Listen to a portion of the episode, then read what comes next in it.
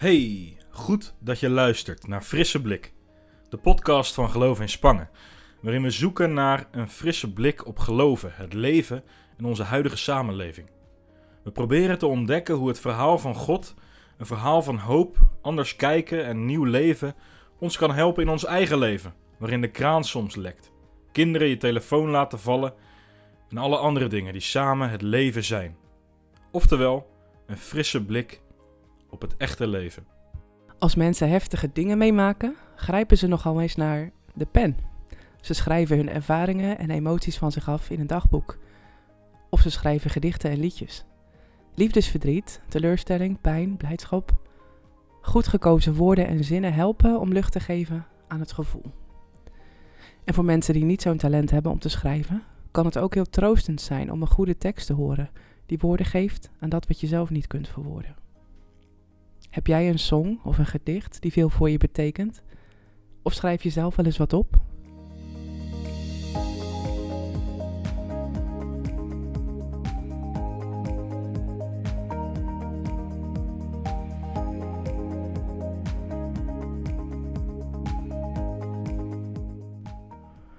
De afgelopen dagen hebben we in deze podcast het leven van David een stuk gevolgd. Van herdersjongen naar nationale held die een goede positie krijgt bij koning Saul.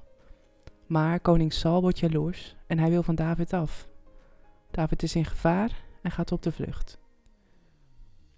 David is een singer-songwriter. In het boek van de psalmen staan veel van zijn liederen. David heeft ze neergepend in allerlei omstandigheden. Ze zijn vaak heel rauw en eerlijk. Vandaag lezen we een van zijn liederen die hij schreef in de tijd dat hij op de vlucht was voor Saul. Psalm 56. Help mij, God, want mijn vijanden achtervolgen mij. Steeds vallen ze me aan. Telkens proberen ze me te grijpen. Ze willen met me vechten. Ze denken dat ze sterker zijn dan ik. Ik ben bang, maar ik vertrouw op u. Op u vertrouw ik, God. Ik wil voor u zingen, want u hebt beloofd om mij te helpen. Op u vertrouw ik. Ik zal niet bang zijn, want mensen kunnen mij geen kwaad doen. Mijn vijanden beledigen mij de hele dag. Ze willen mij alleen maar kwaad doen. Ze zitten maar te kijken. Ze kijken naar alles wat ik doe. Ze wachten tot ze me kunnen doden. Straf mijn vijanden, God. Laat uw woede zien en dood hen. U weet precies wat ik heb meegemaakt. U kent mijn verdriet. Het staat allemaal in uw boek. Als ik u om hulp vraag, dan zullen mijn vijanden vluchten. Want ik weet, u bent mijn God. Op u vertrouw ik, God. Ik wil voor u zingen. Op u vertrouw ik, Heer, want u hebt beloofd om mij te helpen. Op u vertrouw ik, God. Ik ben niet bang, want mensen kunnen mij geen kwaad doen. God, ik heb u offers beloofd. Offers om u te danken. Want u redt mij van de dood. U zorgt dat ik niet sterf. U beschermt mij, God. Ik mag leven in uw licht. Eigenlijk moet ik nu even niks zeggen. Een gedicht of lied moet je niet meteen kapot analyseren.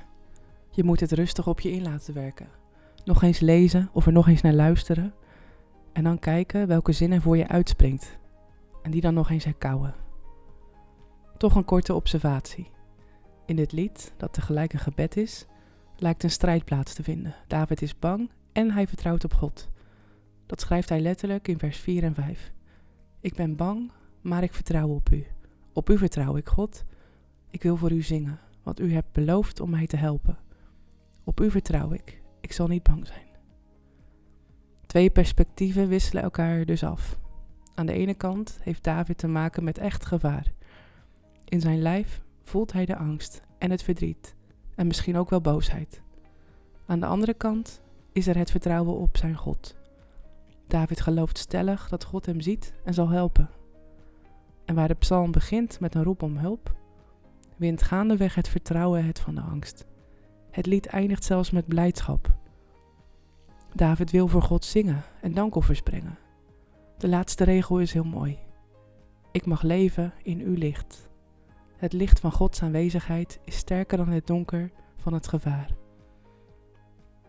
Mooie stad. Bij God mag je de tegenstrijdigheden in je hart droppen. Ik ben bang en ik vertrouw op u. Met angst in je hart kan je een geloofstatement maken. Ik vertrouw op God, ook al zijn mijn omstandigheden beroerd. En al biddend en zingend kan je blijkbaar de angst bezweren en wint het licht het van het donker.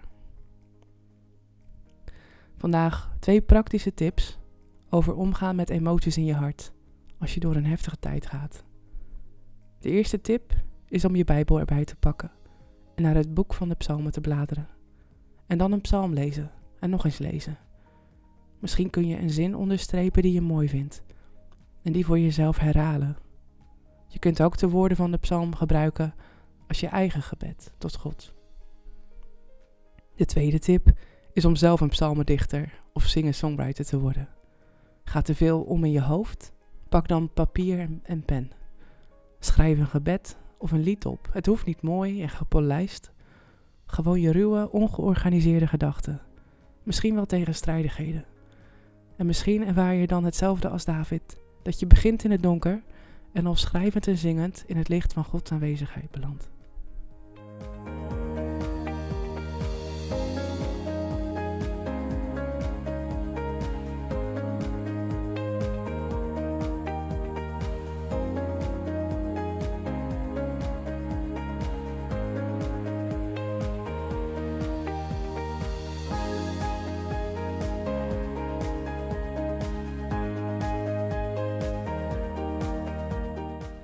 Heere God, vandaag bidden we met woorden uit de psalm.